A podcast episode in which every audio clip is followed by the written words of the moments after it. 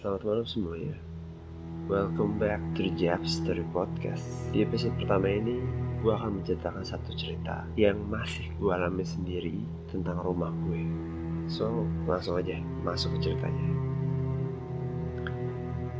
Rumah gue berada di daerah kota Tangerang. Dulunya daerah rumah gue ini dikenal sebagai daerah pelosok karena masih jauh dari keramaian kota. Bahkan kalau kata orang, daerah ini tuh tempat jin buang anak. Tapi di tengah-tengah kampung dan sawah udah berdiri satu perumahan. Perumahan rumah gue yang sekarang nih. Karena harganya masih terjangkau, akhirnya bokap ngambil rumah di sini. Singkat cerita, semua berawal ketika kakek gue berkunjung pertama kali ke rumah gue. Pas sore hari, dia jalan-jalan sebentar keluar. Dan ketika balik, dia bertanya ke nyokap gue, itu di sebelah ada yang ngisi ya? Heran, nyokap gue bilang, belum, beresan ini baru aku yang ngambil dan langsung nempatin. Kalaupun udah ada yang ngambil, belum ditempatin, masih kosong. Kenapa emangnya pak? Enggak, tadi bapak lihat perempuan masuk ke rumah sebelah. Nyokap gue terdiam. Semua berjalan normal sampai saat gue SMK. Saat itu gue punya teman namanya Adri. Kebetulan teman gue ini mempunyai kemampuan untuk merasakan hal-hal seperti itu. Bahkan dia bisa melihat. Waktu itu ketika gue pulang sekolah, nyokap gue ngabarin kalau dia lagi pergi sama kakak gue. Akhirnya gue ajaklah beberapa teman gue buat main ke rumah gue. Termasuk si Adri ini.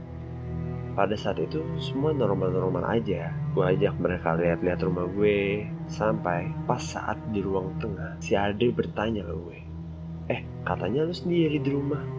Dengar kata-kata si Adri, sontak gue kaget. Loh, emang gue sendirian kok? Nyokap sama kakak gue kan lagi pergi. Akhirnya si Adri terdiam dengan masih sesekali melirik ke arah dapur mengetahui ada yang aneh, akhirnya keesokan harinya gue bertanya sama si Adri. Dri, kemarin kenapa lo nanya begitu? Dengan agak ragu, dia bilang, Oh, enggak, soalnya kemarin gue lihat ada cewek duduk di kasur yang lo bilang kamar nyokap lo itu. Rambutnya sih nggak terlalu panjang, pakai bajunya sih putih, tapi dia diem aja, kayak bengong ke arah tembok gitu gue sih ngelihatnya dia persis kayak orang gitu. Makanya gue nanya sama lu gue pikir itu kakak lu. Di situ asli gue merinding setengah mati. Karena lu bisa bayang gak sih ini rumah gue dan dia lagi cerita tentang rumah gue. Setelah kejadian itu semua berjalan masih normal aja. Sampai suatu malam gangguan pertama muncul.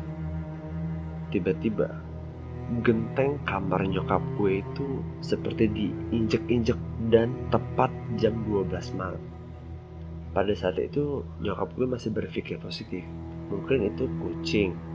Tapi keesokan harinya di jam yang sama genteng berbunyi lagi dan selalu berbunyi tepat jam 12.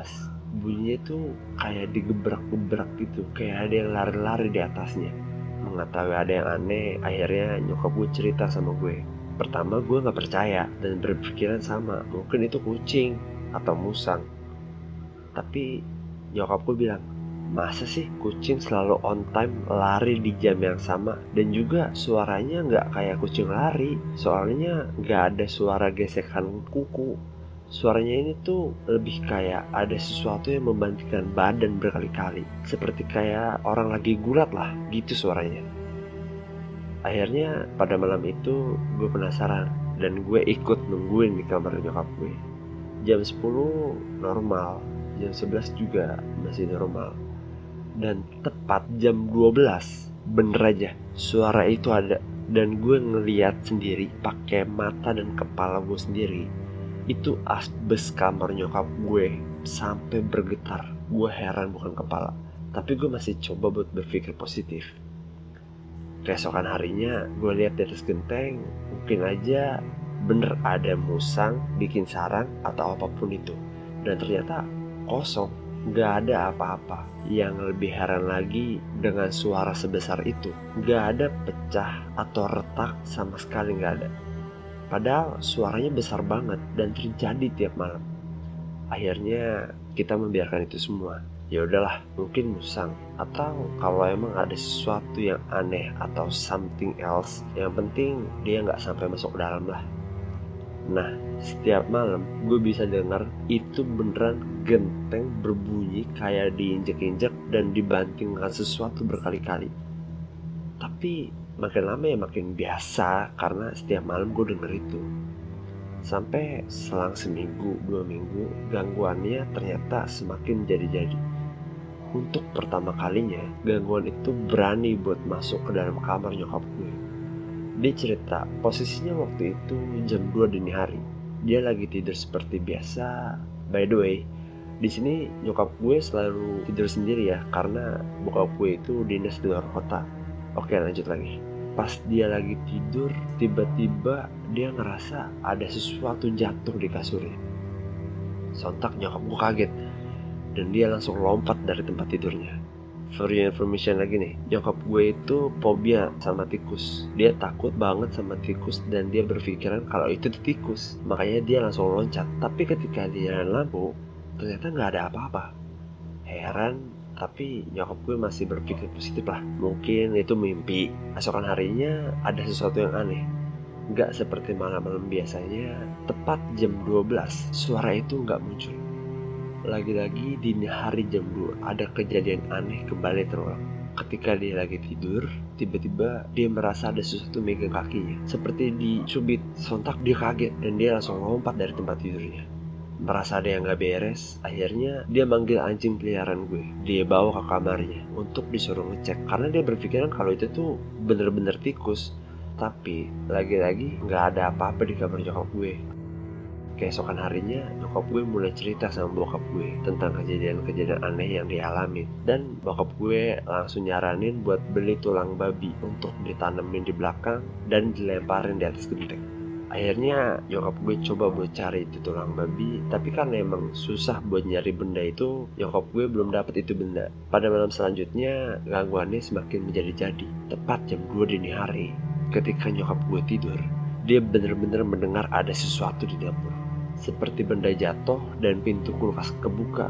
Dan tiba-tiba suaranya itu jadi agak recuh gitu. Tiba-tiba kayak ada yang membanting-banting pintu banting-banting barang sampai ada suara barang yang pecah karena nyokap gue tahu ada sesuatu yang salah ada sesuatu yang tanda kutip.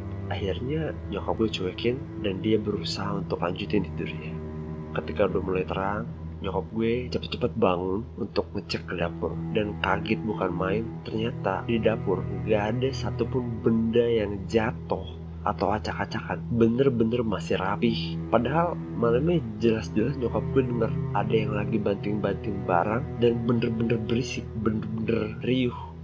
Akhirnya pada hari itu nyokap gue dapatlah tulang babinya.